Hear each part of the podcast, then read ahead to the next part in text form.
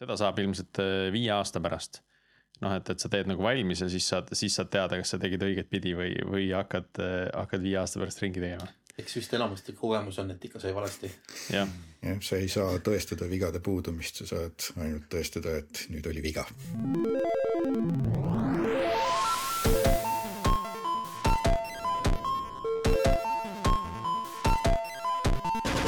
Tere jälle Algorütmi kuulama, eetris on meie kahesaja seitsmes episood, mille toovad teieni Pipedrive, Nortal ja Veriff. mina olen Priit Liivak ja koos minuga Tiit Paananen. Tiit, kuidas nädal läinud on? kuule, tore, eile oli purjetamishooaja lõpupidu meeskonnaga, nii et. Äh, et täna on natuke väsinud olla? täna on jah, gramm on jah, aga kogemust on ka juba nii palju, et ei lase hulluks mm.. Mm -hmm. seda purjetamiskogemust, eks just, purjeta-, purjetamis, purjetamiskogemust just, just, just. Äh, aga noh, et täna saame ikkagi salvestada, tundub, et sul on äh, hääl on värske. Ja, ja silm särab. ja tänaseks teemaks oleme siis valinud midagi taas äh, tehnoloogia ja DevOps lembestele kuulajatele. et kui mõni aeg tagasi oli meil külas Neeme Praks, kes rääkis Sümpoweri tehnoloogia pinust ja tegemistest siis toona jäi päris mitu huvitavat teemat katmata ja tänaseks oleme külla kutsunud äh, siis arendajate arenduskogemusi parendava äh, vanemarendaja Tõnis Ojandu ja haldustiimi arendaja ning Sümpoweri sisemise GitOps tööriista nimega Environments repo leiutaja Jaak Pruulmann Wengerfeldti. tere, mehed. tere alustame sealt, et äh, saame, saame tuttavaks ka, et äh, võib-olla alustame, Jaak, just sinust, et, äh, et millega sa varasemalt tegelenud oled ja, ja kuidas sa, kuidas sa ise nii-öelda DevOps armastuseni jõudsid? jah, kõik ausalt ära rääkida, et siis see kõik algas kunagi eelmise riigikorra ajal umbes kuskil kaheksakümnendate lõpus, äh, kus tädipoeg näitas mulle, kuidas Basic us saab maja joonistada. ja siis sealt edasi läks kõik allamäge. et äh, siis ma olin umbes põhikoolis äh,. tekkis huvi, uurisin äh,, ilmselt õppisin progema kuni siis kuskil keskkooli ajal oli esimene IT-alane töökoht äh, ühes pisikeses äh, IT murdprogemisfirmas, äh, mis tähendas seda, et loomulikult pisike firma, kõik teevad kõike. ma arvan, et mu esimene niisugune ametlik tööülesanne oligi see, et hommikul enne kooli käia ja vaadata, et kas serverid ikka käivad. et sealt sihuke pisike DevOpsi laadne asi juba. Manual monitooring Mm, põhimõtteliselt küll jah. Äh, see oli ammu enne nutitelefone ja mäleta sel hetkel vist isegi mobiiltelefonidega oli üsna kitsas, äh, vähemalt. umbes samal ajal ma sain ka oma enda esimese mobiiltelefoni, aga, aga pidi käima kohapeal ja vaatama, et nagu kas on ja kui vaja, siis lappima. ja siis mõned aastad hiljem liikusin edasi sihukesesse kohta nagu küberneetika. vaatama, et kuidas tarkvaraarendus tegelikult käib ja õppima ja kasvama. ja püsisin seal äkki kaheksateist, üheksateist aastat. põhiliselt oli roll tarkvarainsener, aga see ka tähendas seda, et igasuguseid asju sai tehtud. aga rohkem siukse, ütleme nii, et vähem DevOpsi või opsi. ja siis mis edasi sai, oli see, et umbes kaheksa aastat tagasi kolisime me perega Rootsi. Äh, alguses tegutsesin jätkuvalt küberneetika jaoks kaugelt, aga, aga kuna see kõik oli enne pandeemiat, siis see üksinda kaugelt tegutsemine oli sihuke üsna tüütu ja eks ma vaatasin ringi ka ja kuni siis umbes kaks ja pool aastat tagasi tuli tuli üks vana sõber ja küsis, et kas ma äkki tahaksin tulla sihukesesse uude ja huvitavasse kohta nagu Sympower tegema täiesti teistsuguseid asju, kui ma seni olin teinud või noh. jah. kas Sympoweril oli toona juba Rootsis äh, kontor ka või on, on praegu mingisugune kontor seal? jah, on küll, aga see on sihuke ärikontor niimoodi, et kui ma liitusin, siis, siis ma tegelikult liitusin alguses Hollandi kontoriga. nüüd oleme me välja mõelnud, et kuidas mind Rootsi kontorisse kirja panna, nii et ma tehniliselt olen jah nüüd Rootsi kontori hingekirjas. aga organisatsiooni struktuuri mõttes ma käin peakontori alla, nii et see on sihuke keeruline. ja jah, umbes kaks pool aastat tagasi alustasin Sümpaveris, vahetasin rolli tarkvarainsenerist infrastruktuuri ja, ja, ja opsimise poole peale. Aga kogemus ütleb, et ega need vanad kombed eriti ära ei sure, nii et ma olen jätkuvalt äh, armastan lahendada probleeme selle läbi, et, et kirjutan programmikese, mis äh, lahendab probleemi minu eest mm. -hmm. ja jah, umbes see on see. no siin võib-olla ongi Jaak hea sult kohe küsida, et äh, seda, et, et DevXP ja, ja DevOpsi inimesed, et et kumb siis on lihtsam, kas tulla nagu kogemuse poole pealt või, või infra poole pealt?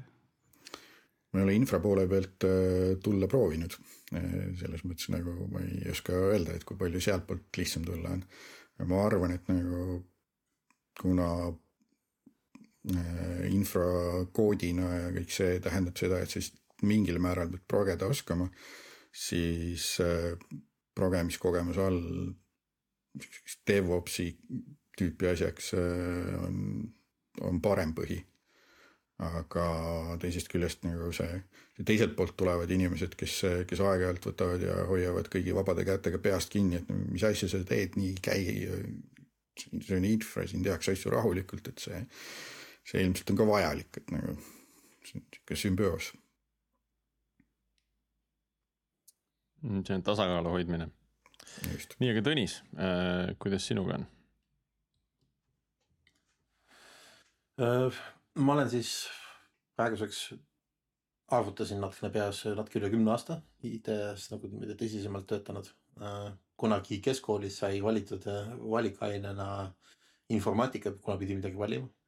Polnud õrna aimugi, kuhu ma siis astusin või mis, mis nagu juhtus eelnevalt äh, arvasin, et noh, eelneva kogemuse põhjalt arvasin, et eks me seal mingit Wordi ja PD, neid äh, PowerPoint'e ja muid sihukest asja teeme äh, täiendavalt, aga osutus, et hakkasime Pascalit kirjutama hoopis äh,.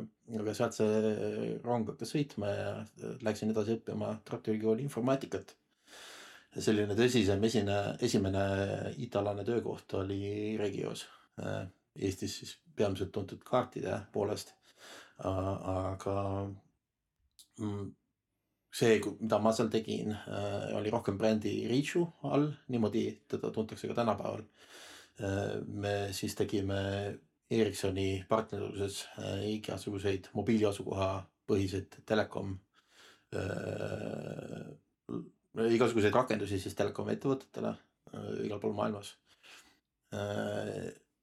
seal sai omajagu äh, aega veetud ja küpsetud äh, üllataval kombel nüüd äh, väga suure ringiga tagasi Sümpaorist olen leidnud, taas hästi palju kolleege endisest, tollest ajast. isegi Neeme on sealt, sealt läbi käinud, kuigi sellel ajal, kui ma Riisus olin, siis Neemest olid järele ainult koodireed. inimene ise oli kaduma läinud ja, ja siis nagu teist korda mul elus, et ma pean tegelema Neeme äh, poolt kokku kirjutatud koodiga. Äh, aga äh, vahepeal siis sai tehtud ots ka Nortalis, kus ma sai, oli au ka Priiduga teha riigile asju. ja siis ühel hetkel Neeme siis pöördus mu poole ja kutsus ka Sympoorisse siin circa kaks aastat gramm peale. et plaan oli siis niisugune maailmat vallutav, et tahaks, et rahad kõvasti tõstetatud, oleks vaja minna äh, teist riikidest, teistesse riikidesse, et laieneda siis üle Euroopa laiemas mõttes. ja tehnoloogia oli vaja üle vaadata.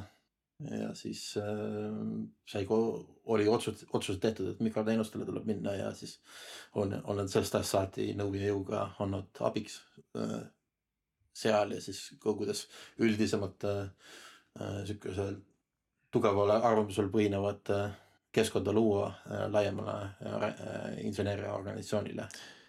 nii ja täna me räägime teiega nüüd äh, GitOpsist, et ma tahaks nagu sealt pihta hakata, et võib-olla proovime ära defineerida, et äh, mis see miinimum on, millal nagu tiim saab öelda, et, äh, et nad teevad GitOpsi. et noh, sest nagu erinevaid, erinevaid lähenemisi on ja, ja noh, ka teatud manuaalsete protsesside korral mõned tiimid kipuvad ütlema, et jaa, me teeme GitOpsi, kuigi neil noh, võib-olla tähendab, et nad hoiavad ainult mingeid asju ju repos on ju, aga, aga tegelikult seal peal nagu mingit automaatikat ei ole, et noh, mida teie nagu miinimumiks peate, mina näiteks seda ei pea äh, GitOpsiks, kui lihtsalt hoitakse asju koodi repos ja ikkagi tehakse manuaalselt neid skripte käima pannakse. No selle definitsiooni järgi me osaliselt ei kvalifitseeru, et ähm, saade läbi, aga tegelikult Aha. on see, mhm. et Äh, ja äh, mitu asja, mis, mis peab olema või mis võiks olla selleks, et sa saaksid enda kohta, oma protsessi kohta öelda, et see on GitOps. ilmselgelt äh, on sul, see, see kõlab juba nagu sul, sul peaks olema Git, noh, tegelikult ei pea olema Git, võid ju ka mingisugust muud asja kasutada, aga, aga tänapäeval miks sa peaksid? SVN-i käest. jaa, kusjuures nagu ma hakkasin mõtlema siin paar nädalat tagasi mingisugune esimene GitOpsi laadne asi, mille ma ehitasin, on aastast kaks tuhat neli, viis. Ja siiamaale käib, kus eh, on süsteem, kus DNS-i tsoonifaile hoitakse CVS-is. ja kui sa teed muudatuse ja commit'id selle, siis rakendatakse ja, ja lähebki kohe käima ja võiks öelda, et GitOps. ainult, et CVS-iga äh,. niimoodi äh,, mis veel, põhimõtteliselt nagu sa ütlesid, versioonihoidla, koodihoidla, kus on enamasti või, või tavaliselt ja definitsiooni järgi deklaratiivne kirjeldus millestki ja siis mingi protsess või mingi automaatika, mis seda rakendab ja see nagu peaaegu, et ongi miinimum. seal on igasuguseid nüansse, et kuidas see, kuidas see kirjeldus peaks, mis, mis see deklaratiivne tähendab, mis see automaatika tähendab, kas, kas kõik peab automaatne olema. meie konkreetsel puhul on see, et, et mõned asjad, näiteks versiooni uuendused ja, ja konfiguratsiooni, rakenduse konfiguratsiooni muudatused tehnoloogilistel põhjustel rakenduvad kohe automaatselt, aga mingisugused teised asjad, mingisugused inframuudatused, kui keegi tahab teha uue mikroteenuse, mingisugused load balancer'i konfiguratsioonid peavad muutuma, midagi sellist, siis selle koha peal on praeguse seisuga vaja, et inimene käsitsi skripti käima paneks ja jah, me liigume selles suunas, et, et selle skripti paneks käima automaat pärast seda, kui inimene on öelnud, et jaa, selline pull request on hea küll. aga, aga praeguse seisuga on meie automaatika nimi Jaak, Teet, Sergei ja nii edasi mm. -hmm. mille taha see jääb? et miks seda automaatikat veel ei ole? Äh, ilmselt on natukene hirm selles mõttes, et äh, teha automaatika, mis on võimeline tõmbama maha kogu su tootesüsteemi, kõlab nagu, nagu hea ja jätkusuutlik plaan või siis mitte.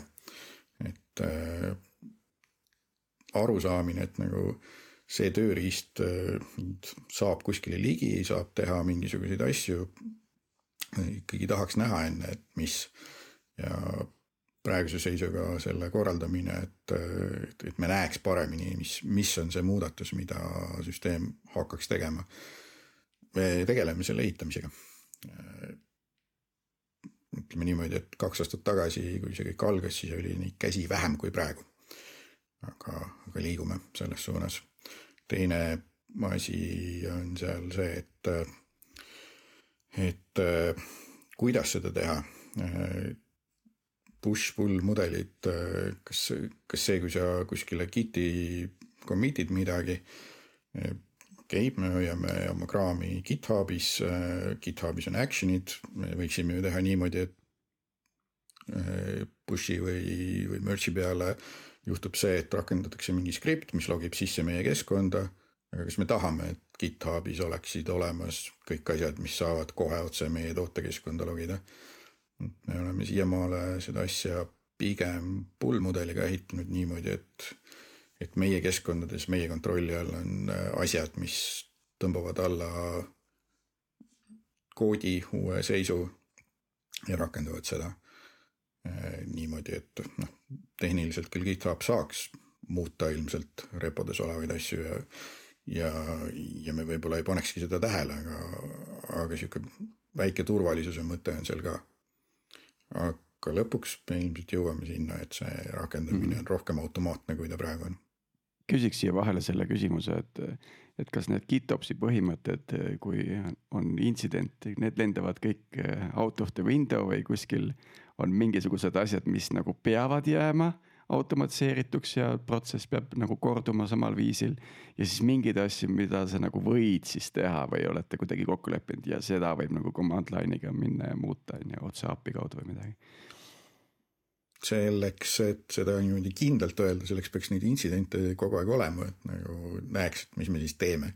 reaalselt on see, et nagu selliseid intsidente, kus kus sellest vahet oleks, et kas me nüüd käime ja muudame kuskil repos midagi või või käime otse midagi muutmas, neid väga tihti ei ole. Ehm, jah, on olemas mingisugused kohad, kus, kus automaatika jääb kuskile kinni. Ja siis on kiirem ja lihtsam minna näiteks AWS-i konsoolist kuskil mingisugused time-out'id pisut pikemaks keerata selleks, et, et protsess edasi läheks. aga, aga enamasti enamasti ei ole asjad nii kriitilised, et, et ei võiks teha rahulikult nii, nagu peab. nii, Tõnis, sa tahtsid veel midagi lisada siia?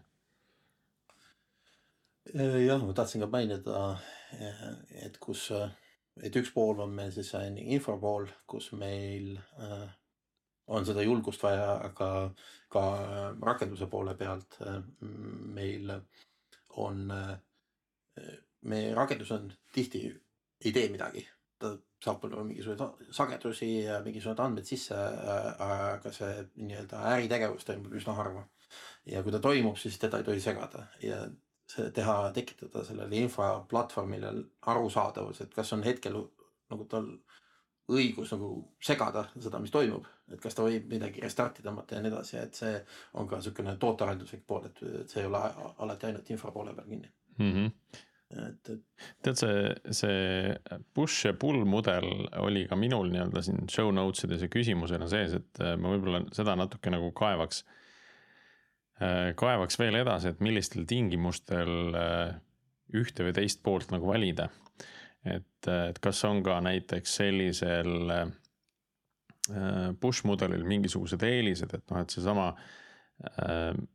toimub mingi muudatus Gitis ja GitHub, Giti action siis äh, äh, ise ühendub mingi serveriga, teeb seal mingi muudatuse on ju, lükkab nii-öelda lükkab selle muudatuse sinna üles, on ju.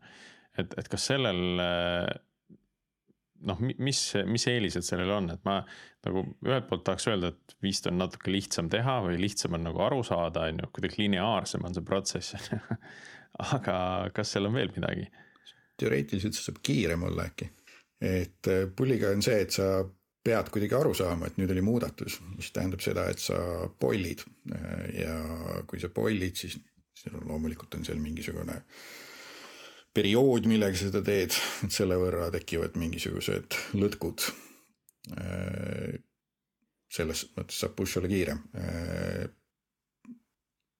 aga ma ei tea, kas seal väga palju, sa saad alati selle push'i ehitada selle peale, et sa saadad mingi signaali oma pollivale asjale, mis siis selle peale läheb ja pollib. et selles mõttes nagu on mingisugused hübriidvariandid ka olemas. Äh, äh, selles mõttes alati pull-mudeli ehitamine on mõneti keerulisem, kuna täpselt nagu Jaak mainis, sul on mingisugust agenti vaja kuhugi. Äh, loomulikult on erinevaid tarkvarasid sõltuvalt sellest, mida sa mis sul seal, seal, taga toimetab, aga äh, üks eelis, mida ma push mudelil näen, äh, on see, et lõppkasutaja kogemusest on ta selles mõttes sünkroonne, et äh, ma teen mingi muudatuse, ma näen, ma saan, mul on ülevaade, kuni see, võib-olla mul jookseb seal mingisugune workflow, mida ma siis näen, et ta nagu nüüd lõpetab ära ja nüüd ma olen üsna veendunud, et selle lõpuks on see asi kuhugi jõudnud ka. et äh, selles mõttes, et see push mudel toob natuke nähmasust juurde. mis tähendab seda, et sa pead investeerima sellesse ülevaatesse, mis sul Mhm. seal on. Mm, et seal tekib selline teatav nagu katkestus, et midagi juhtus siin ja siis juhtub midagi seal ja sa pead suutma need kaks poolt kokku panna. aga et seal ei ole seda, seda selget, selget seost selle kahe sündmuse vahel. noh, et sa võid aimata, mis see seos on, aga, aga see ei ole nagu alati väljas, et see hübriidlahendus mulle meeldib, see, see mõte mulle ka meeldib, et see noh, natuke paremini loob selle seose, on ju, et, et ühelt poolt me ütlemegi, et nüüd juhtus mingi muudatus ja, ja sa võid oodata, et, et selle peale võiks siis mingisugune vastutegevus toimuda. mingisugune paigaldus näiteks. Tõnis, sa mainisid, et, et noh, et siin, siin taga ongi võimalik erinevat tarkvara kasutada. kas, kas Sympoweris ka midagi selle kohta on? et mida teie seal taga kasutate? Või, või ongi see nii-öelda custom lahendus? see, et siin on kindlasti Jaak parem kommenteerima, aga jah, aga jah, mul varasemalt on kogemus Argo CD-ga Kubernetese maailmas, aga jah, Jaak, saad äkki meie vaat-, meie oo stack'i oh jaa, see on, sellega saab täita terve saate. see on custom äh, praeguse seisuga. See, seal on loomulikult tükke, mis, mille on keegi teine ehitanud. Terraformi me ise ei kirjutanud. AWS-i käsurea liidest me ise ei kirjutanud.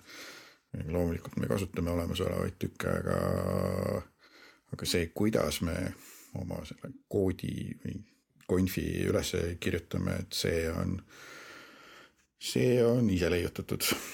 ja siis need skriptid, mis, mis teevad sellest ise leiutatud kirjeldusest äh, mingisuguse, mis interpreteerivad seda kuidagi, et siis mõistagi on ka ise kirjutatud.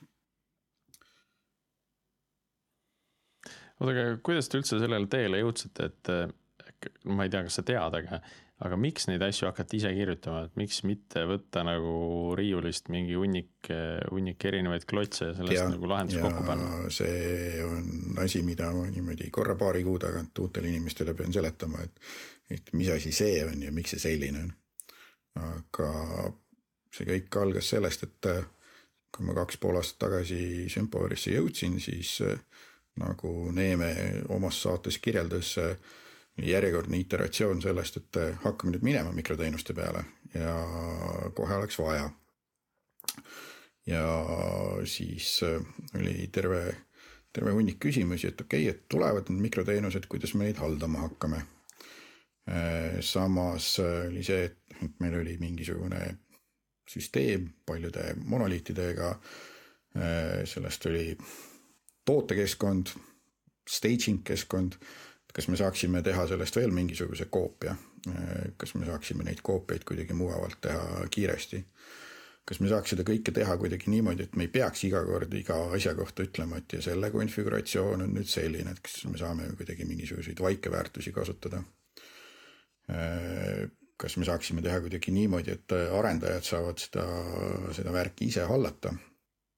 ja kas me saaksime seda kõike teha niimoodi, et see, mis parajasti juba käib, edasi käiks et umbes siuksed, siuksed vajadused olid ja siis oli, oli hetk, kus me üritasime otsida, et kas või kuidas me saaksime siis oma süsteemi kirjeldada. siis äh, saame tulla tagasi küsimuse juurde, et mis asi see GitOps on ja mis asi see minimaalne GitOps on. kui sa otsid GitOpsi kohta, siis äh, kõik olemasolevad tööriistad oma kirjelduse esimeses lauses mainivad Kubernetest. võib-olla utreerin pisut, aga mina ei leidnud ühtegi asja, mis nagu ilma Kuberneteseta hakkama saaks. see. no neil on nii tore abi, et ja just. sobib iga asja jaoks. aga samas oli see, et sel hetkel meie Opsi meeskond oli neljaliikmeline ja jah, mina olin näinud Kubernetest enne, mitte liiga palju, aga natukene olin näinud. ülejäänud kolm meeskonnaliiget ei olnud näinud Kubernetest ja mõnevõrra kartsid. meil oli olemas mingisugune raamistik ports Ansible skripte selle kõige AWS-is haldamiseks.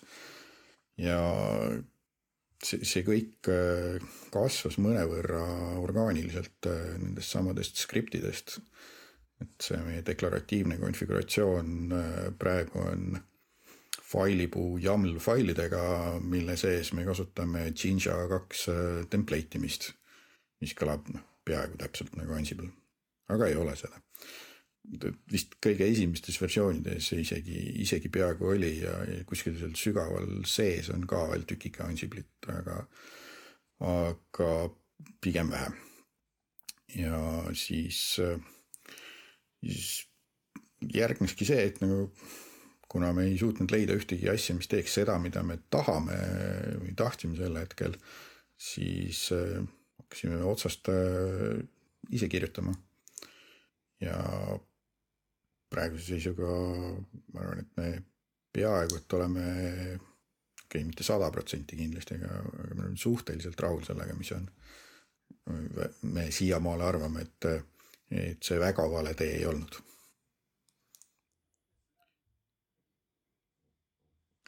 nii, aga ise kirjutada ei saa ilma tiimita, tähendab noh, saab aga siis juhtub sageli see, et, et selle midagi kirjutatakse valmis ja seda keegi enam edasi ei arenda ja ei halda ja mingid tiimiliikmed vahetuvad ja siis see omanikutunne nagu kaob ära. Ehm, sa, sa mainisid korra seda enda tiimi ka või teie tiimi seal, et, et kui suur see täna on, kes kogu seda kompotti haldab, kogu seda Äh, platvormi ja kõiki neid tööriistu, mis on taga? vahetult see ops tiim, kelle nii-öelda oma see, see tööriist on, on seitsmeliikmeline.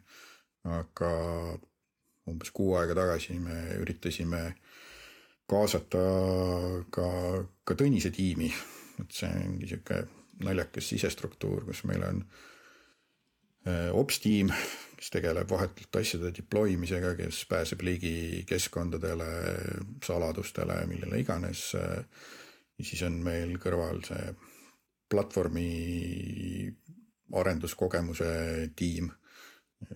minu, minu peas me moodustame kokku tegelikult siukse pisut suurema, üldisema platvormi tiimi. isegi kui me oleme mingisuguse organisatsiooni struktuuri mõttes kaks eraldi tiimi. Et mm.. aga kuidas see, kuidas see nagu see järgnevus on, et, et ma saan aru, et ops tiim siis pakub teenust äh, põhimõtteliselt platvormi tiimile? pigem niimoodi, et me koos pakume teenust arendajatele mm. -hmm.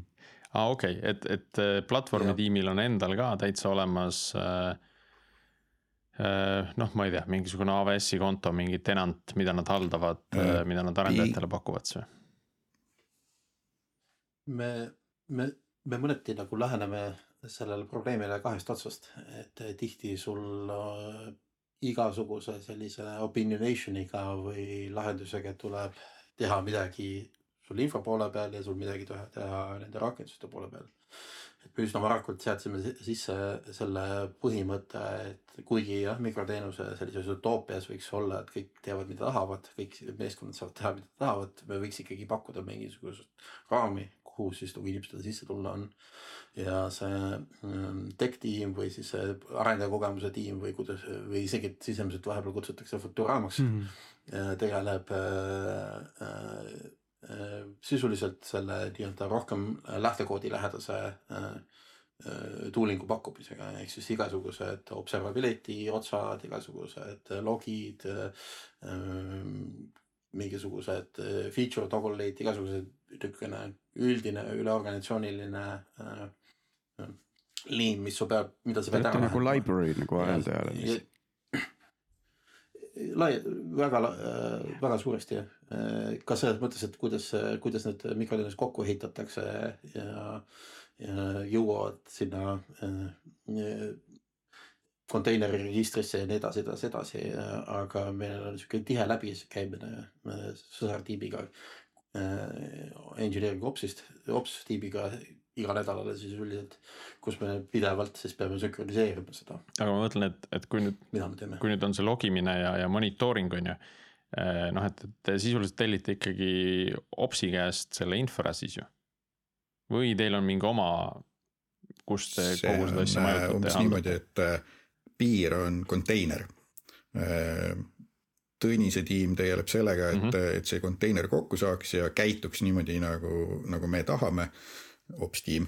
ja me tegeleme sellega, et see konteiner saaks kuskile paigaldatud ja, ja jookseks.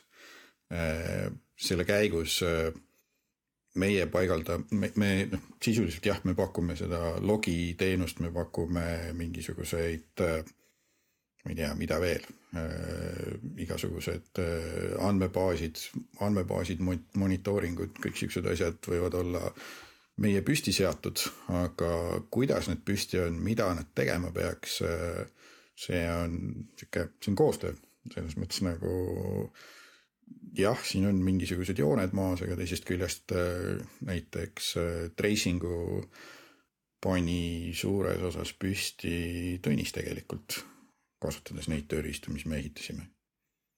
nii et äh, see on sihuke koostöö mm. -hmm.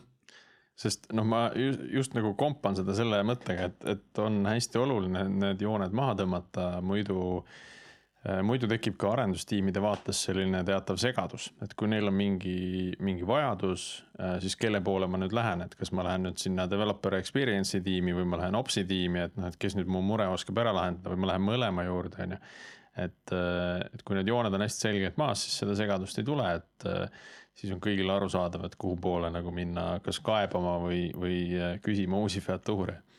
või sa teed lihtsalt developer support no, on- channel'i, kus on mõlemad sees ja mõlemad on kooli vennad, siis vastavalt kuidas tunnetus on, nopivad üles. et see joonistab ka päris hästi neid Meil-, neid piire maha. meil täpselt niimoodi umbes ongi, et äh, meil on kanali, mida me nimetame topsi kanaliks. ehk siis on tekk ja ops ja seal on mõlemad olemas.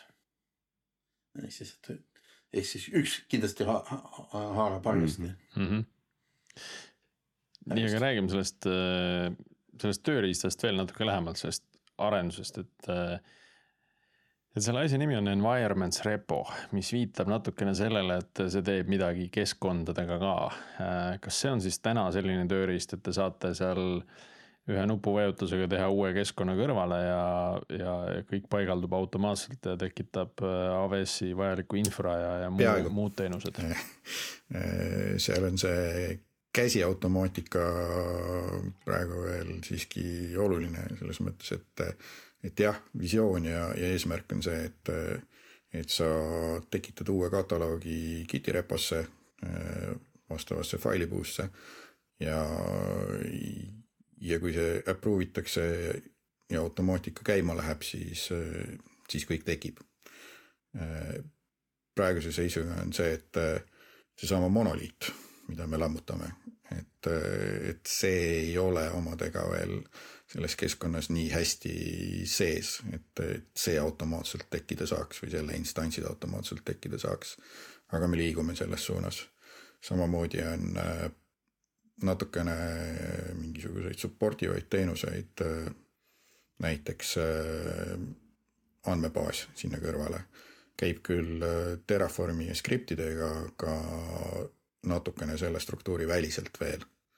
tõenäoliselt me mingisuguses faasis saame kasutada seda, et me tekitame ühe suure jagatud asja on-demand äh, pop-up keskkondade jaoks. ja siis kaob see probleem ära. aga laias laastus jah, see, see on see mõte praeguse seisuga see hinnanguline aeg, et kui, kui keegi tekitab kataloogi, siis käsiautomaatika, väiksed insenerid, kes, kes jooksutavad paari skripti, see kõik võtab umbes pool päeva. aga see mm -hmm. peaks käima palju kiiremini. Aga kas see peaks käima kiiremini, sest see on selline viimane kakskümmend protsenti, mis võtab nagu kaheksakümmend protsenti ajast on ju, et. et saada, saada see uue keskkonna loomine nagu kolme sammu pealt nagu ühe nupuvajutuse peal, et et kas, kas sellel on see väärtus seal taga olemas, et teie jaoks, et seda, neid keskkondi luuakse nii palju päriselt, et, et seda on vaja? ei tea veel, me usume, et, et mida kiiremini see käib, seda rohkem neid keskkondi luuakse. Selles mõttes okay,, et nagu, kui, kui see käib pool päeva, siis nagu, siis arendaja mõtleb välja mingi teise viisi, kuidas oma probleem lahendada. kui see on viis minutit, siis ta teeb selle liigutuse, läheb, toob oma kohvi ja ja, ja ta saab äh, omaette ja sõltumatult testida oma mingeid asju või mida iganes sellist. seda on ka näha tegelikult äh, inseneeria meeskonda äh,, meeskondade tagasisidest, et nad tegelikult ootavad seda, et nad saaksid äh, testida isolatsioonis, sest äh, hetkel vähemalt selle monoliidi poole peal meil ikkagi on nagu keskne keskkond. see tähendab seda, et nad peavad seal maid jagama, et nad tahavad omada võimet, et me tahame nüüd siin midagi mängida läbi. tahame niimoodi, et te ei tule meie kapsaaeda segama, et see on niisugune asi, mida tegelikult oodatakse ka mm. -hmm. et kõigil on äh, peas see visioon sellest äh, uuest ägedast haamrist, äh, millega kõik oma naelad ära hävitada ja siis teie panete seda haamrit kokku. haamri naelad, siis see, see konstruktsioon või see analoogia on viimase kahe kuu jooksul äh, rohkem kui korra või rohkem kui viis korda tulnud teemaks.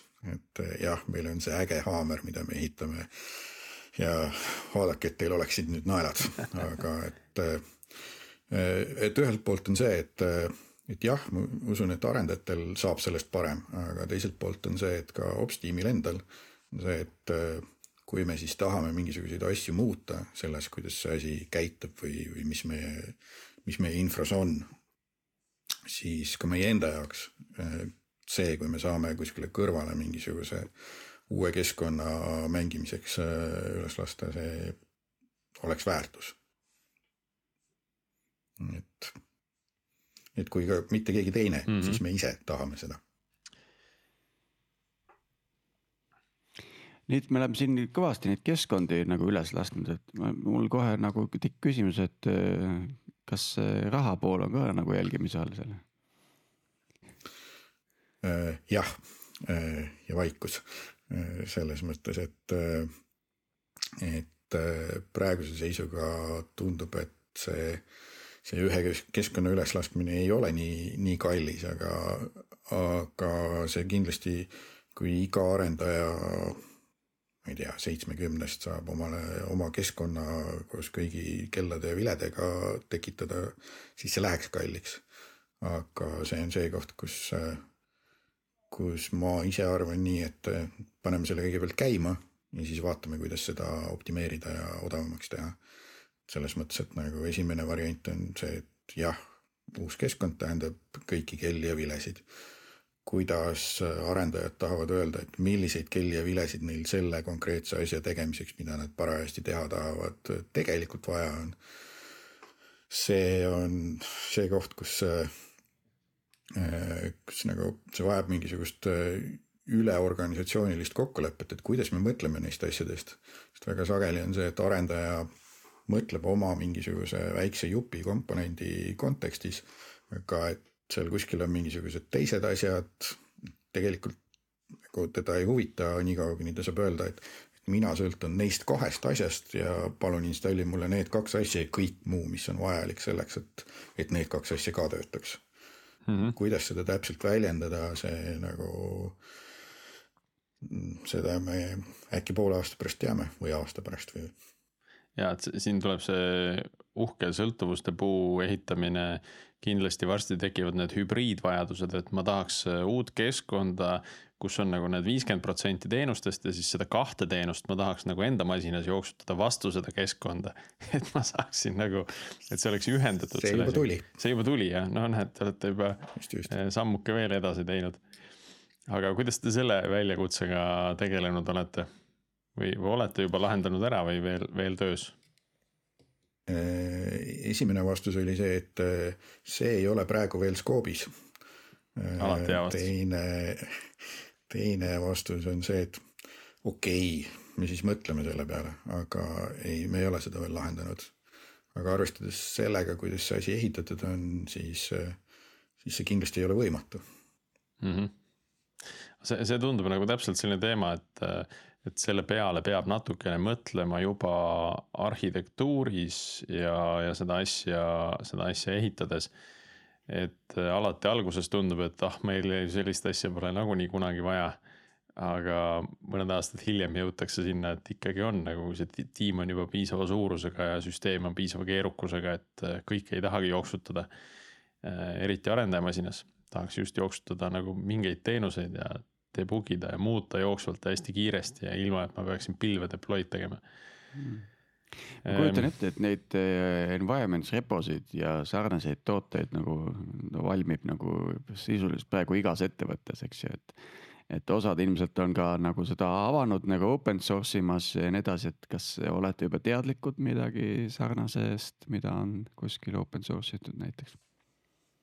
mingisuguseid sarnaseid projekte ma arvan, et ma olen näinud, aga, aga, aga enamasti see nägemine on olnud kontekstis, et hmm, kas me saame seda kasutada selle asemel, mis meil praegu on vastus on enamasti olnud, et mitte kohe praegu sellele üleminek oleks nagu keerulisem kui selle oma asja edasiehitamine mm. -hmm nii et ta on ikkagi nii kontekstis siin... sõltuv või sellest konkreetsest situatsioonist nagu?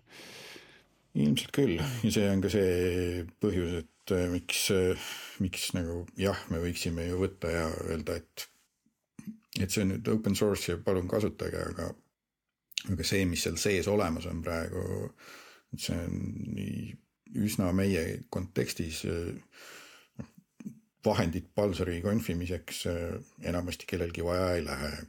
asjade deploy mine AWS-is. jah, neid inimesi, kes, neid organisatsioone, kes seda teevad, on täitsa mitu, aga, aga nad teevad seda ilmselt kuidagi teistmoodi kui meie, ühesõnaga ja, ja siis nad võtavad selle, selle lahenduse ja siis nad tahavad sinna mingit oma custom featuuri peale, sellepärast et neil on mingi oma hästi eriline komponent, mis vajab nagu seadistamist eh, kogu selle paigaldusprotsessi käigus on ju, et noh, see. no las kirjutavad ja. jah, et peab nagu laiendatav olema, eks mm.. kindlasti see ongi väga laiendatav, küsimus on see, et eh, kas sinna selleks, et seda laiendada, on vaja mind ka kõrvale eh, ühest küljest ja teisest küljest, et kui see, kui see teha avalikuks, siis see tähendaks seda, et, et kõik need laiendajad tahavad, et nende muudatused saaksid peaharru ka sisse, mis tähendab seda, et keegi peab siis sellega tegelema ja praegu kohe me kindlasti ei jaksa nagu hmm. kellegi teise muresid lahendama hakata.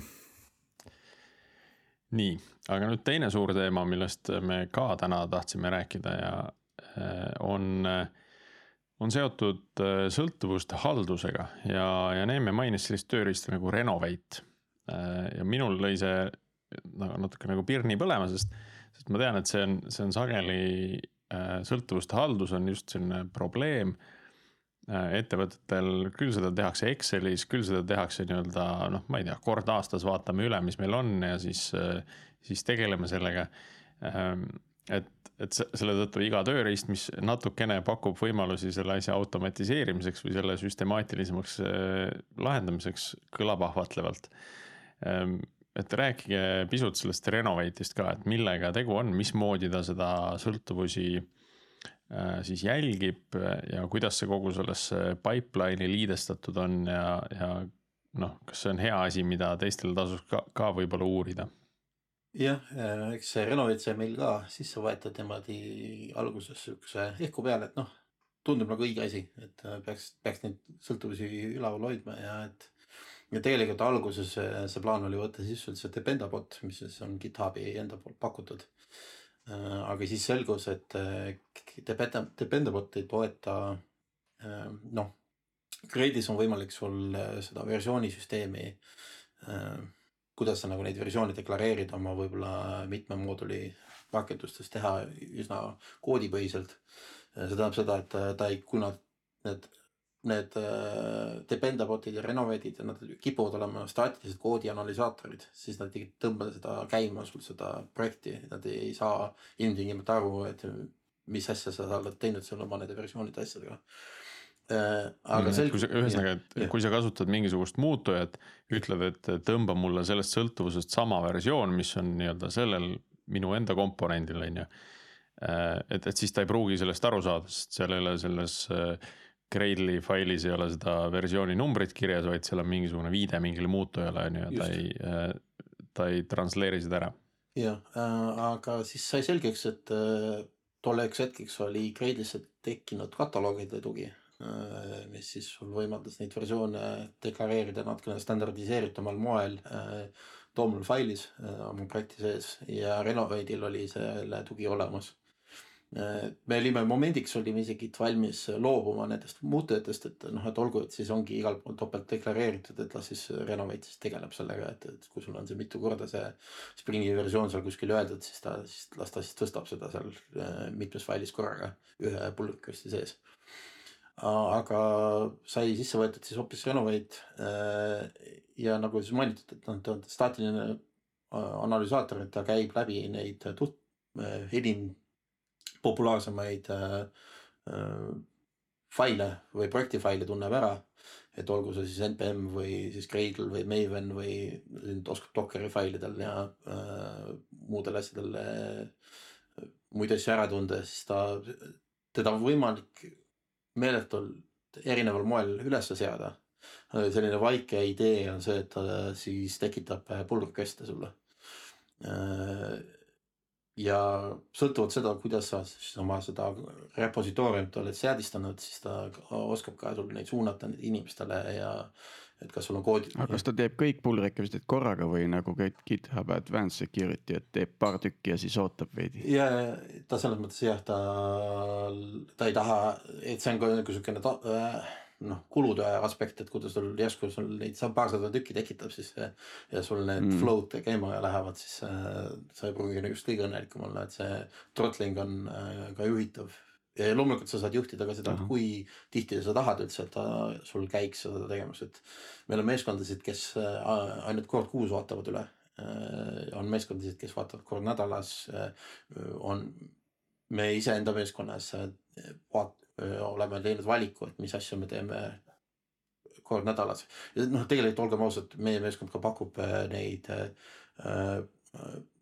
siukseid standardvariante inimestele, et me näeme, et mingid mustrid on välja kujunenud, siis et sa saad nagu standardkonfiguratsiooniga valida meeskonnas, et vaatad kord kuus. aga jah, selles mõttes me ise Symparis me kasutame nagu siis mainitud Gradle'it, NPM-i. see on siis back-end, front-end me uuendame GitHubi kolmanda osapoole neid action eid. Äh, kui seal on uus, uus mingisugune versioon välja tulnud sellest, ma ei tea, check-out pluginist või muust siuksest asjast. Äh, meil on suur osa Gradle'i seadistust on nende konventsiooni pluginatega üles ehitatud, meie, meie meeskond jälle pakub seda ülejäänud organisatsioonile. see tähendab seda, et sisemised sõltuvused jõuavad ka meeskondadeni äh, läbi selle Renovade'i, me oleme talle nagu ukse lahti teinud äh, meie oma Nexusesse.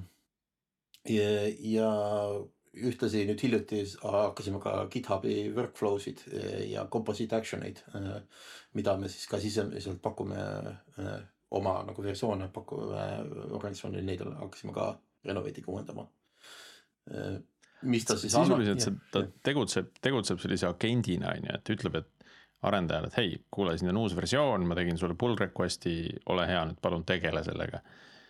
Ehm, noh, et, et ta lihtsalt ei tee kuskile raportit, vaid ta teeb nagu pull request'i eeldusel, et arendajad tegelevad pull request idega nagu aktiivsemalt. kui kuskil, kuskil keskkonnas oleva mingi raportiga, et, et nendel moodulitel on uued versioonid, palun mine vaata, on ju just.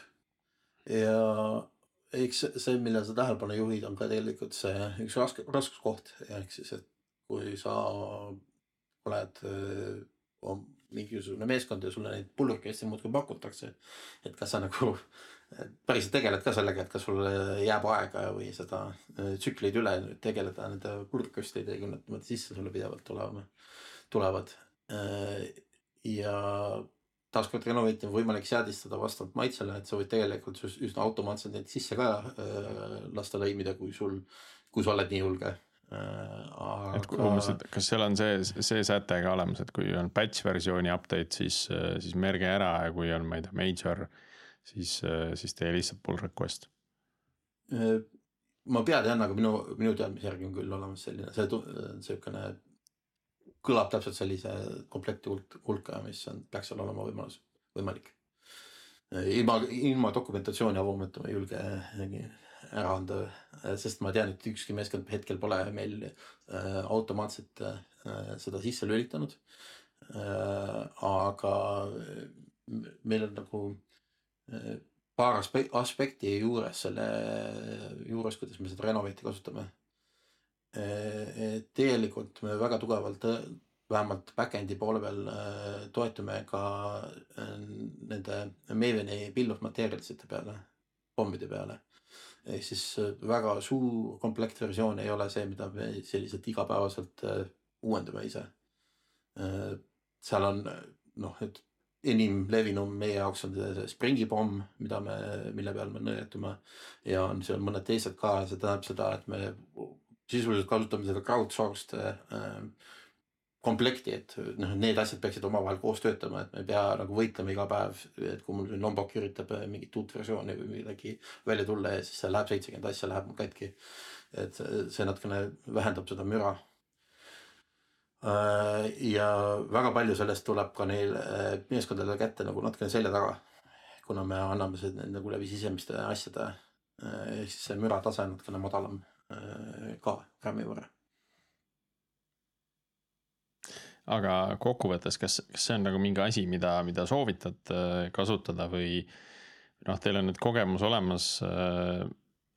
et noh, kas tasub veel edasi otsida või, või see ongi see hõbekuul? ma üldiselt äh, ikkagi soovitaksin kasutada äh,.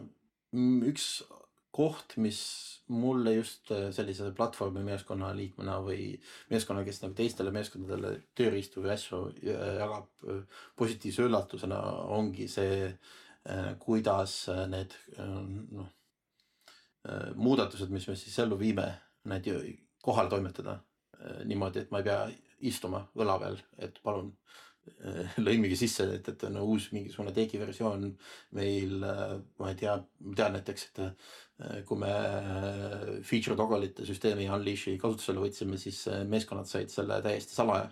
see tuli neile lihtsalt Springi autokonfiguraatoriga sisse, noh et ühel hetkel oli neil piin olemas, et noh nüüd saate kasutada ja vaadake enda konteksti, et teil on kõik olemas, ühendused on. seal nagu mingit teist, teistmoodi probleemi ei tule, et ahah, jälle see jälle see äh, DevX tiim nagu käkkis ära midagi, lasi mingi sõltuvuse meile, me ei teadnudki nagu, et noh, sellist nagu pahameelt ei tule sealt, et.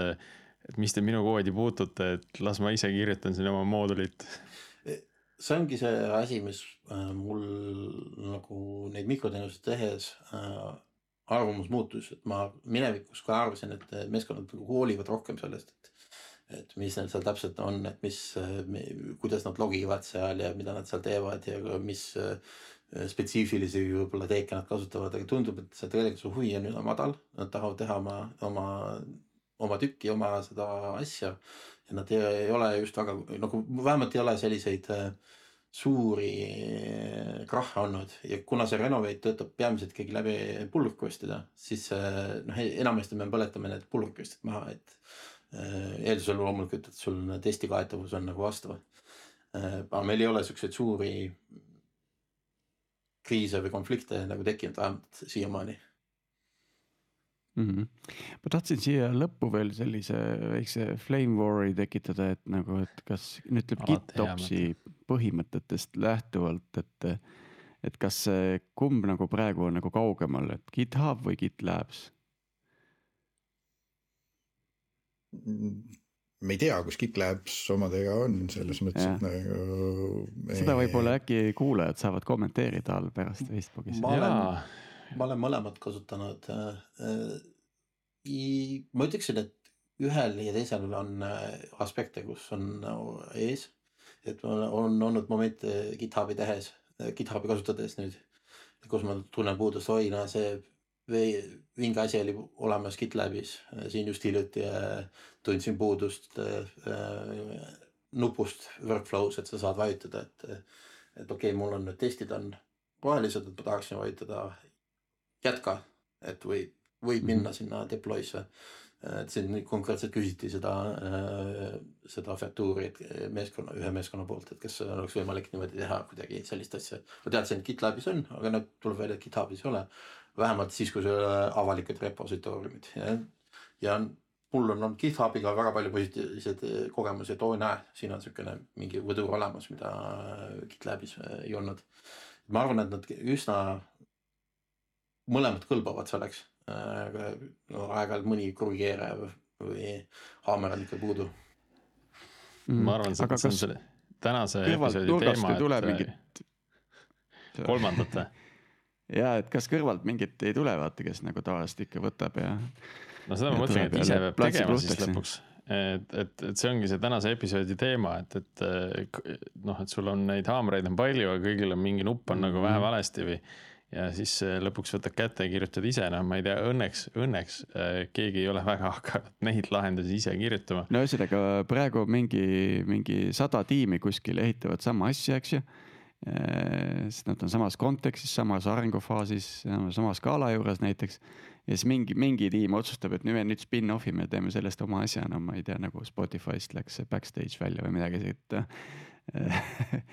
et varsti siis näeme jah, mingit mega uut Git, GitOpsi stack'i või?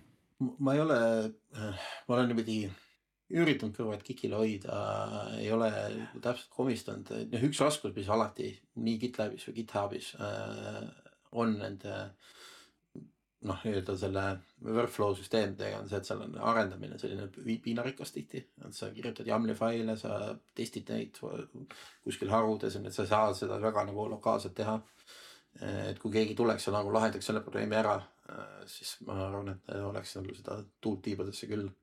Et ma saan nagu siukse platvormi meeskonnana saan midagi ära teha enda masinas ennem kui ma lähen lammutama, lammutama päris infra peale. see on sihuke klassikaline infra testimise küsimus, et nagu kuidas me testime seda, et see kõik produktsiooni vastu töötab nii, nagu ta peab. Kas on mingisugust varianti seda teha muud moodi, kui panneski need skriptid välja päris koodirepodesse, kus päris kasutajaid neid päriselt kasutavad ja siis võib-olla fail ides sellega kuskil siin või seal. aga või, või siis me teeme endale mingisuguse pisikese mängurepo, kus ei tule need asjad välja, mis tegelikkuses tuleks.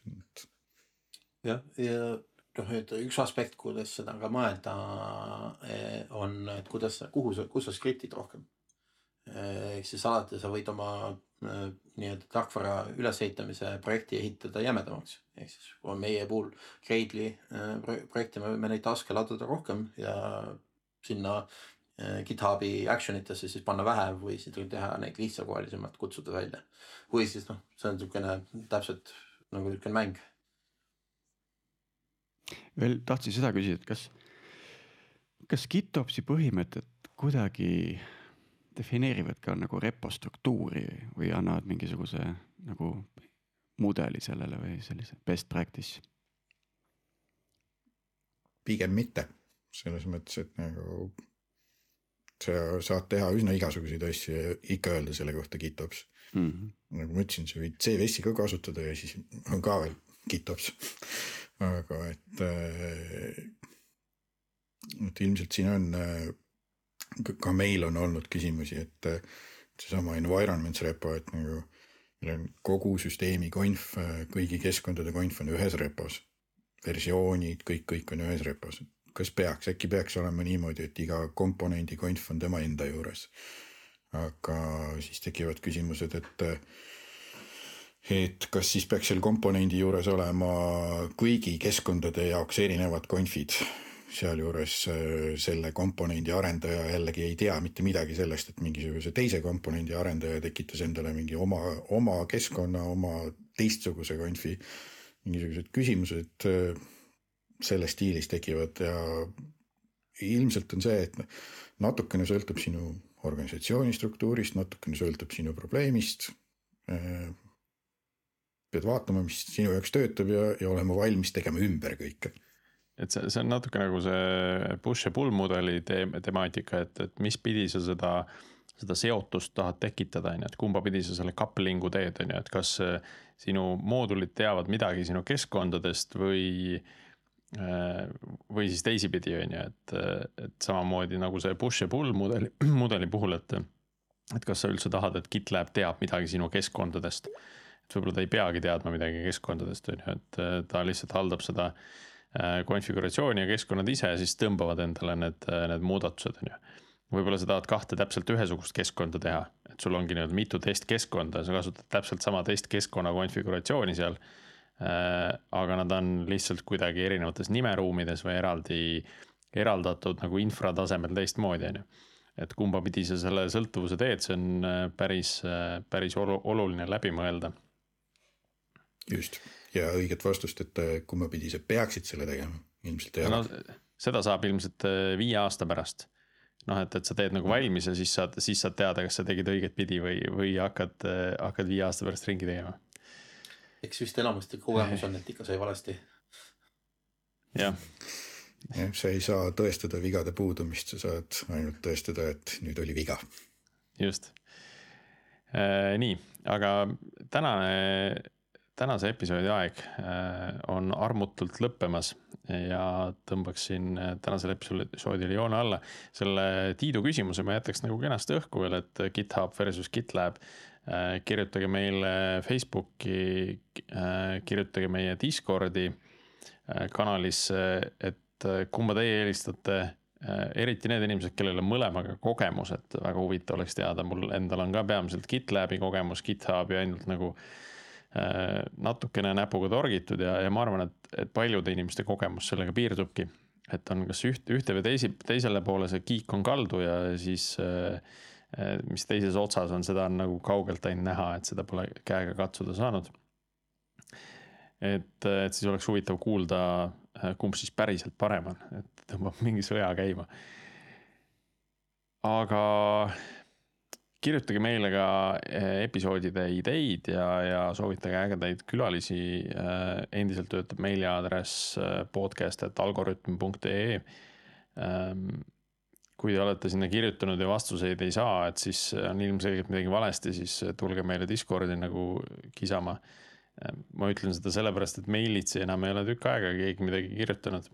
võib-olla see on hea asi, et nüüd ongi inimesed Discordis rohkem aga kui kõik see on tehtud, siis saate jääda mõnusalt ootama järgmist nädalat, sest siis on meil taas järgmine episood. nii et äh, jääme taas kuulmiseni järgmisel nädalal.